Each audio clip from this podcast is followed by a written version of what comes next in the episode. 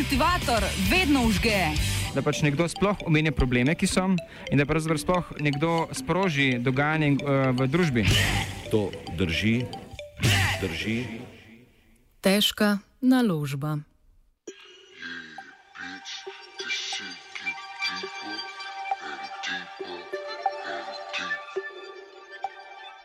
Preiskovalna komisija Državnega zbora za T6 je v sredo objavila končno poročilo. Eden glavnih problemov je bila že v izhodišču prenisko postavljena teoretična cena premoga. Prav tako sta bila problematična neizvajanje zakona o javnem naročanju v ključnem času projekta ter eskalacijska klauzula v pogodbi, ki je ceno spreminjala samo navzgor. Po pričanju Franca Žrdina, ki je bil direktor premogovnika Velenje med letoma 1992 in 2002, je ideja za izgradnjo bloka 6 nastala pri Ivanju Atelšku in liberalni demokraciji Slovenije. Prva javna predstavitev ideje pa se je zgodila 6. in 7. junija 2003, ko je holding slovenske elektrarne priredil prvo strateško konferenco, na kateri naj bi razpravljali o morebitnih novih energetskih projektih. Takratni novi direktor Uroš Rotnik je predstavil idejo za gradnjo novega šestega bloka z močjo 600 MW.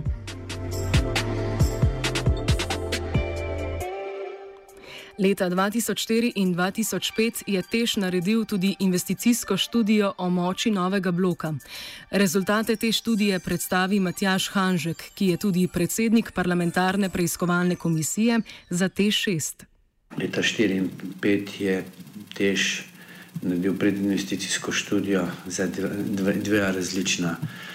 Eh, blok, mislim, bloka z dvema različnimi močmi, en 500, drugi 600 MW, s tem, da je 500 MW bi morda celo uspel delati do konca z velenskim premogom, zato so tudi dobili že eh, energetsko dovoljenje, eh, ampak seveda eh, gospod Rotnik je hotel imeti 600 MW, eh, pa ne samo on.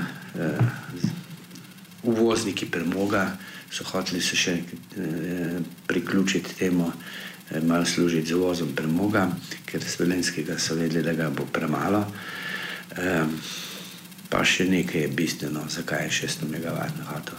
600 MW blok je butični blok, po domače rečeno, se pravi unikaten ga ne moreš nikomor primerjati. In seveda 520 ali pa 475, pa to so pa eh, serijski bloki. In tam natančno veš, kakšna je cena, plus minus 5 ali pa 10 odstotkov var, pri unikatnem pa ne. In to je po mojem tudi vzrok za to, da s tem, ker pač ni bilo kontrole primerjave z drugimi elektrarnami, ki se gradijo, eh, ni bilo kontrole cene in se seveda bil to velik del samo postrežne pri eh, kraji denarja. Kot vemo, je policija do zdaj to, kar so mediji pokazali, dokazala ali pa eh, dokazuje za nekaj manj kot 300 milijonov ukradenega denarja. Jaz mislim, da je precej več. Ceno slovenske 600 MW elektrarne primerja s ceno polske elektrarne Petnau 2, ki je bila zgrajena leta 2008. Petnau 2, ki je ena elektrarna na polskem, eh, ki so približno v istem času, malo prej kot tež gradili. 475 MW, s čimer bi mogač, mogoče celo pre, eh, premogovnik, eh, dovolj premoga bila 475 MW, uporablja slabši lignit, kot je velenski lignit, je stala 520 milijonov. Če bi rekli, ker vidimo 475, tako kot je opatno, pa rečemo, da ne bo 500 milijonov stala, da bo stala 600 milijonov, pa recimo, da ne bo 700 milijonov, še vedno bi pri investiciji prišparali 700 milijonov, glede na tega. 700 milijonov, da ne rečem, obresti, ki bojo plačevali, in tako naprej. 700 milijoni bi, če bi ceno premoga dvignili eh, premogovniku, da bi recimo 5 milijonov več na leto dobo, ki bi jih vložil v zaščito eh, in tako naprej, varnost, eh, v tehnologijo in naprej bi to v 40 letih, ko je elektrarna dela, pomenilo 200 milijonov. Še vedno bi pol milijarde ostalo. Ideja Teša v času konjunkture je bila, da bi z blokom 6 zaslužili z uvozom premoga in naknadno prodajo elektrike v Italijo, kjer so bile cene visoke. Ker je rodnik nekako hotel uh, spremeniti z 500 na 600, za 500 so imeli že energetsko dovoljenje, je vzpostavil in imenoval strokovno komisijo eminentnih strokovnjakov slovenskih, ki naj bi povedali, kaj je najboljše. Ne? Seveda najprej so strokovnjaki tudi za energetiko rekli, čim večji blok, noben ni razmislil, noter so celo izjave kot problem z okoljem in s premogom je čisto začasna zadevšna. Mi demo čim večji blok, oni so celo hoteli najmanj 650 MW, če več, pa služiti z uvozom premoga in eh, prodajo elektrike, predvsem v Italijo, ki je imela visoke cene. Pri računanju ekonomike gradnje T6 je problematična tudi postavljena cena za premog. Cena, ki je predpostavljena in investicijo upravičuje, je 2,25 evra na gigajoule pridobljene energije. Nihče tega ni vedel od 50 zaslišanih, oziroma vsaj 10 smo jih o tem vprašali. Tako eh, demenco so dobili, pa še predvsem mlajši ljudje, kot jaz. Jaz pa mislim in sem prepričan, da je 2025 bil, ko so se usedli, ker eh, premog je najpomembnejši eh, vhodni element, ki določa ceno elektrike. In ko so ugotovili, koliko bo stala investicija, koliko bo manutete odplačilo, koliko bo jo plače, so ugotovili, da pač eh, lahko skozi pridejo, da bo to investicija, da bojo prikazali kot ekonomično in lahko eh, mora biti premog največ 2,25. To so potem kasneje tudi nekateri drugi eh, ekonomisti eh, ugotavljali in so povedali, da 2,25, čim se dvigne za 10 odstotkov, bi bila eh, investicija eh, neekonomska in ne bi mogli upravičiti.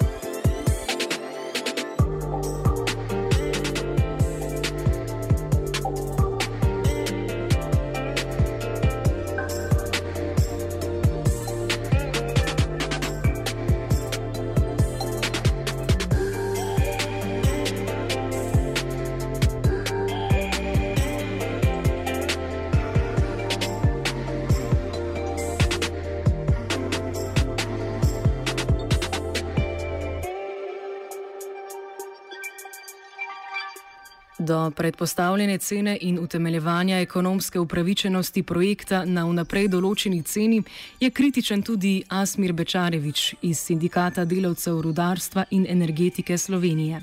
Osebno lahko rečem, da je cena bila namišljena oziroma nerealna. In nekdo, ki je takrat pogojeval neko investicijo v nek blok 6 z ceno premoga za deset let vnaprej in potem za 30 let delovanja, um, ne najdem pravih besed za te osebe, ki so se na takšen način lotile uh, se pravi tega pogoja. Pa lahko govorimo, ali je to cena 3,25 evro 25, ampak pomembno je, da za 10 let vnaprej oziroma 40 let vnaprej uh, jamčiti neko ceno, na katero vpliva ogromno dejavnikov, je enostavno nerealno.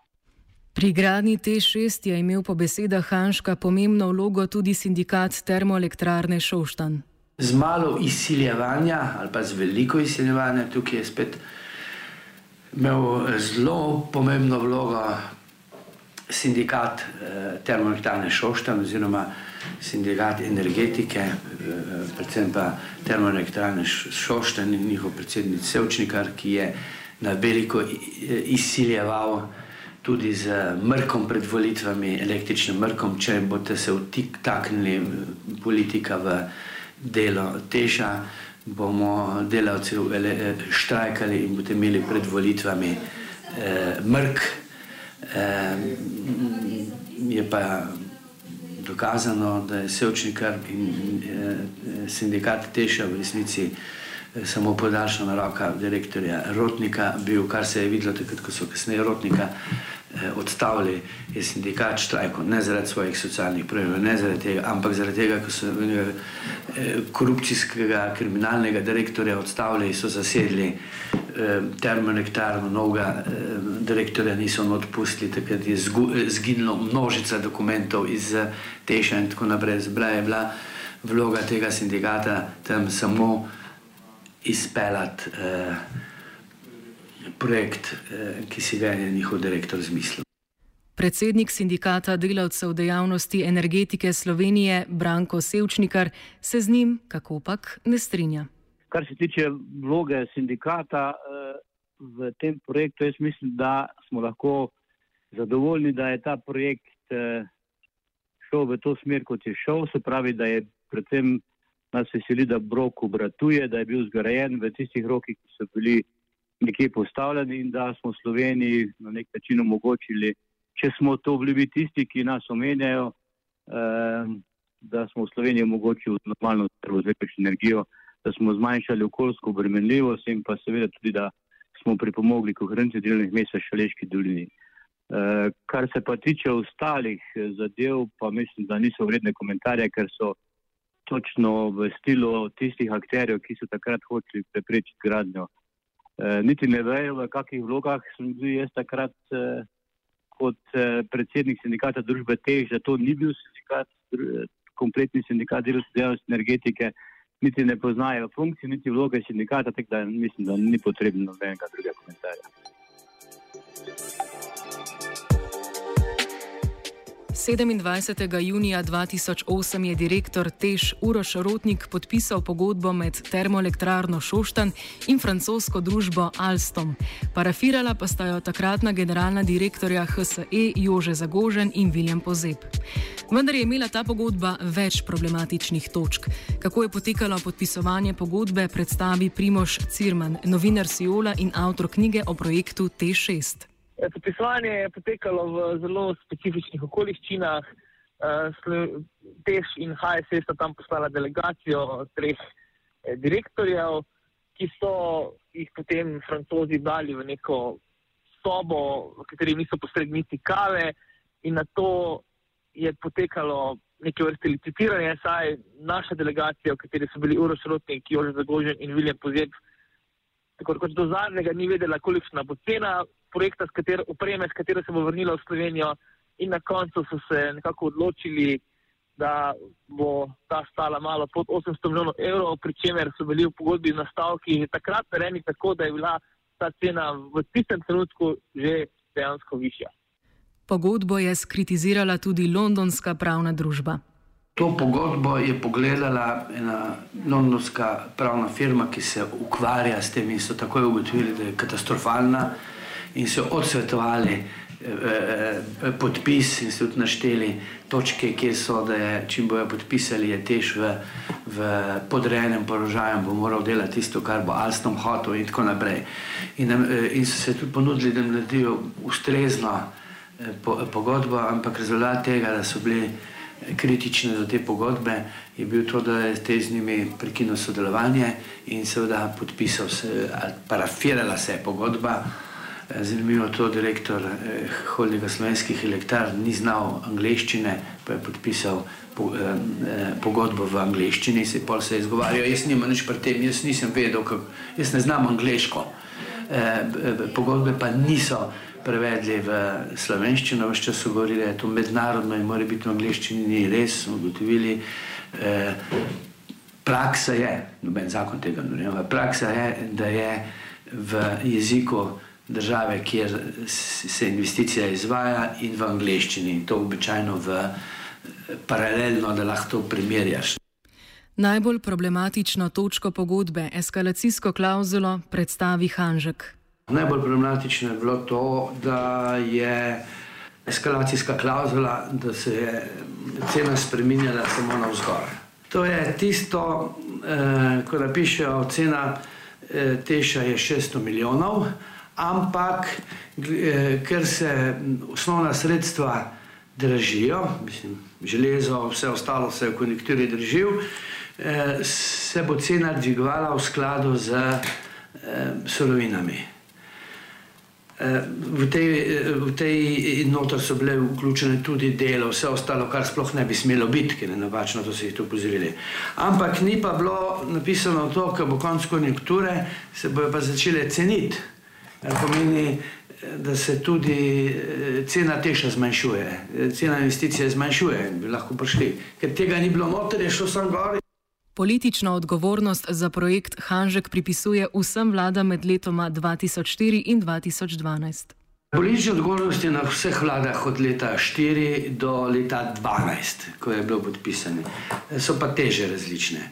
Janša, eh, minister, kot predsednik vlade, minister za finance Bajuk, eh, čeprav se je ta zelo trudil eh, uvesti sistem javnega naročanja, ampak ni prišel skozi, in minister za gospodarstvo Vizjak.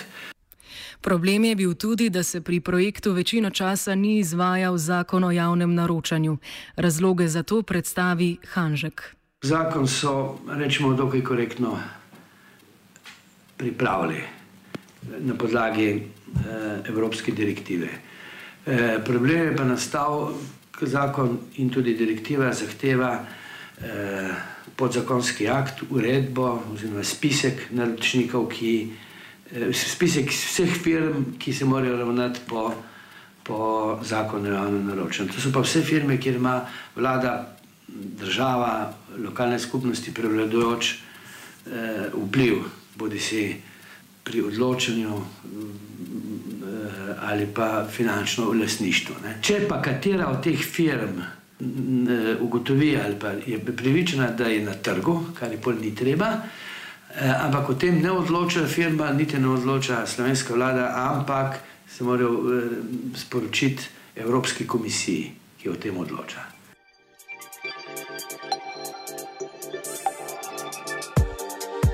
Vlada je trdila, da lahko vlada odstrani podjetje z podzakonskega spiska, ki posamezna podjetja obvezuje, da so podvržena zakonu o javnem naročanju. A tudi evropsko pravo temu nasprotuje. Kar nekaj sodb Evropskega sodišča je bilo v drugih primerih, da je spisek naročnikov eh, pomožen papir, zakon pa določa, kdo je, ne glede na ti na spisku ali nisi na spisku, ki so kriteriji. Ne. Tako se to se meni tudi, čeprav nisem pravnik, včasih nekako sem bil prav, da sem rekel, zakon je višji kot podzakonski akt, ne more podzakonski akt. V času prve Janševe vlade je nastal tudi konflikt med ministrom za gospodarstvo Andrejem Vizjakom in ministrom za finance Andrejem Bajukom. Bajuk se je zauzemal za upis energetskih podjetij na spisek podjetij, ki so podvržena zakonu o javnem naročanju. Vizjak pa mu je nasprotoval. Bajuk, kot finančni minister, je naredil pripravo eh, spisek, kjer je bil teši vsi proizvajalci elektrike upisani. Ne. Ministr za gospodarstvo je nasprotoval, je prišel konflikt med Bajukom in ministrom za gospodarstvo, eh, ki je hotel pa enajstrko vse proizvajalce elektrike, ki so trdili, da ti so pa na trgu. To je eh, dr. Križanič še vedno trdil smo imeli majhen, majhen spor, ki je rekel, vse te še na trgu, se nekaj na kakšnem trgu. Za investicijo dobiti narod države eh, ima enega samega dogovorenega dobavitelja premnogo, ima enega samega dobi, eh, eh, kupca elektrike, če pa mu eh, zmanjka denarja, pa za, država zakon o eh, evro za tež spreme, takrat ga slučajno še nisem naredil, kje je kakšen. Ja, trg je tam v Frankfurtu.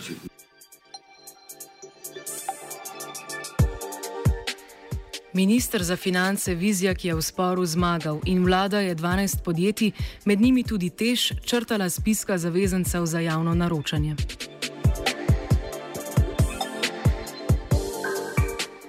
V naslednji vladi Boruta Pahorja pa Hanžek glavno politično odgovornost pripisuje prav Pahorju, ministru za gospodarstvo Mataju Lahovniku in ministru za finance Francu Križaniču. Pri vladi 9 Pahorja pa seveda zato. Križaniča je popolnoma jasno. On je bil že v skupini, ki je to načrtvala in ki je eh, leta, leta 2006 potrdila 600 MW.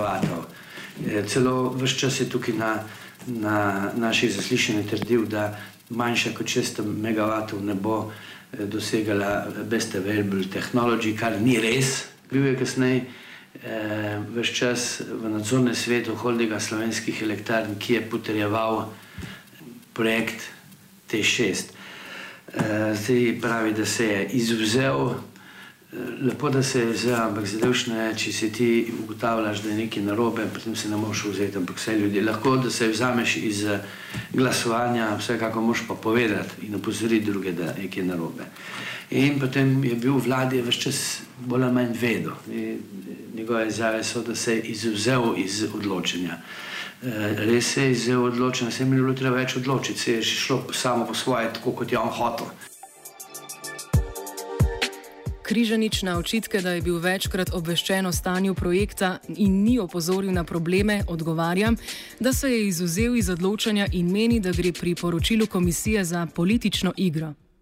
Torej, v zvezi s projektom T6 sem delal kot analitik v obdobju okrog leta 2005-2006, ko se je projekt pripravljal.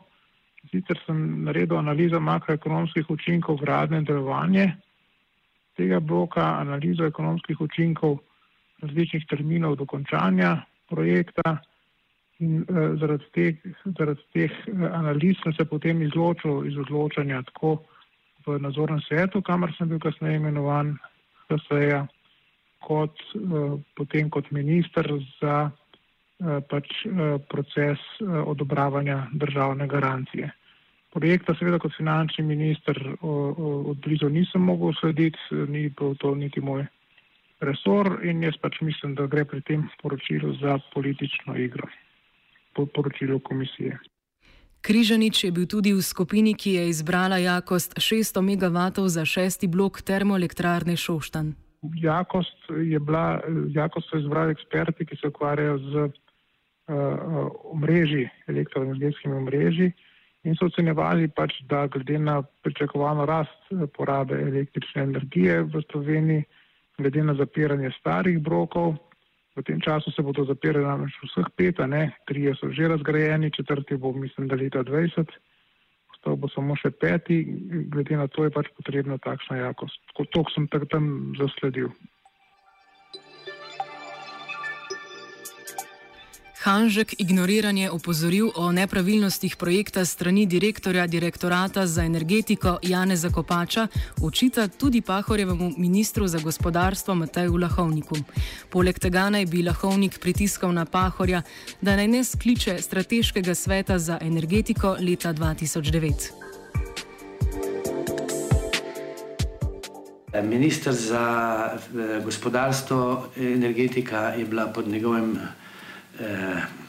resorjem. Eh, Lahonik je tudi vedel, zakaj gre. Lahonik je na pahorja pritisnil, da, da tiste eh, komisije strokovnjakov, ki sem prej rekel, leta 9, ni več sklical. Lahovnik je blokiral informacije, ki jih je dobival od direktorja direktorata za energetiko Kopača eh, do Pahorja. Takratni ministr za gospodarstvo odgovornost za T6 zvrača na prejšnjo vlado in odgovarja tako. Investicija T6 se eh, ni začela v času Pahorjeve vlade in se tudi ni končala. Jaz to celotno poročilo eh, vidim kot neko poskus, žal tudi preusmerjanja pozornosti eh, od tega, da postopki policije in pa tožilstva stojijo že deset let proti organom upravljanja in nadzora, ki so izvajali to investicijo, ni jo izvajala niti vlada, niti ministerstvo. Tako da eh, pravzaprav moram reči, da eh, to investicija ni bila v pristojnosti vlade. Če bi se minister konkretno umešaval v posamezne investicije, bi kršil zakon o gospodarskih družbah. Kar se pa tiče tega strateškega sveta, je pa bil ustanovljen in bil je tudi ustanovljen strani vlade Republike Slovenije. Zavrača tudi vsakršno ignoriranje opozoril na napake projekta T6, ki mu jih naj bi podal Janez Kopač, direktor direktorata za energetiko. Janez Kopač je bil vse skozi eden največjih zagovornikov tega projekta. Na blogu Razgledi se je o tem prepiral celo z novinarjem Primožem Cirmanom. Uh, večkrat je nastopal na javni RTV v svojem imenu, kjer je tudi zagovarjal ta projekt. Tako da te trditve, da bi on kakorkoli nasprotoval temu projektu, zanesljivo ne držijo. Uh, kar se tiče pa konkretno moje vloge, sem bil pa jaz tisti minister, ki je vladi v zvezi s tem projektom uh, predlagal celo vrsto sklepov, tudi glede naložitve Eh, eh, postopkov odškodninske in eventualno kazenske odgovornosti proti organom upravljanja v družbi, ki je izvala ta projekt, predvsem pa še že leta 2010, eh, v začetku leta 2010, komisiji za preprečevanje korupcije pisal v zvezi s tem projektom in jih, in jih prosil naj preverijo določene posle, žal ni bilo nobenega epiloga. In jaz mislim, da je najbolj absurdno, da je bila ta pogodba podpisana dva, leta 2008, že pred mandatom Pahorjeve vlade, strani pristojnih v Tešo, parafirana strani pristojnih v HSE-ju. Danes, po desetih letih, pa na mesto, da bi imeli epilog teh zgodb na sodišču, se pogovarjamo o politični odgovornosti v zvezi z investicijo, ki jo niti vlada, niti ministerstvo ni izvajala. Krivdo za previsoko ceno T6 in objektivno odgovornost Hanžek pripisuje tudi Pahorju. Pahor je pa kriv, seveda, kot predsednik vlade, mora. Je kriv že sam po, tebi, po sebi, ker je pač predsednik vlade, on bi moral poskrbeti. Zdaj je tukaj še malo več. On je vedel, zakaj gre, pa je molčal. Najmanj, kar je vedel, je vedel zaradi seje državnega zbora, kjer je bil on prisoten, ki je bilo on odgovarjal, ki so mu povedali, kaj je narobe na poslansko vprašanje in kasneje na sejo v Tešu, kjer je moral vse vedeti. Vseeno je bil tiho. Ne.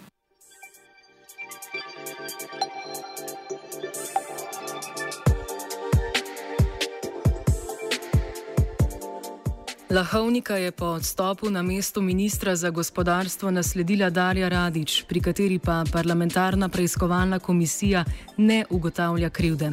Razloge za to pojasni Hanžek.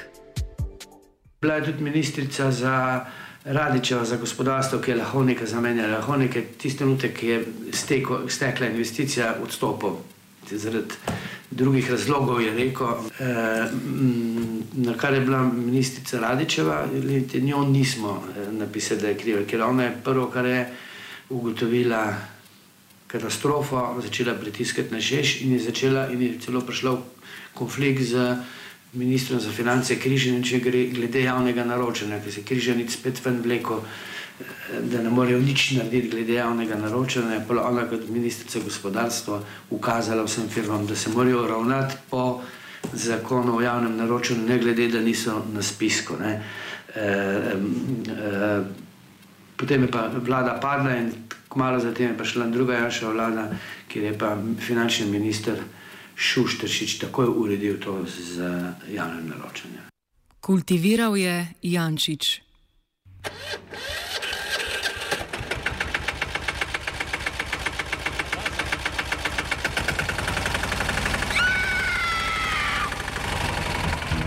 E, kaj pa je to? Ja, kultivator. Gre za neko vrsto apatije. To lahko reče samo kreten, noben drug. Socialni invalid in ga je ne mogoče urejati. Drugi kandidat Pa, eh, pa pije, kadi, masturbira, vse kako hoče lahko počne. Nihče tega ne ve. Vsak petek skultiviramo dogodek tedna. Lahko po kriterijih radio študent, težko pa po evropskih kriterijih. Ampak na drug način, kot vi to mislite.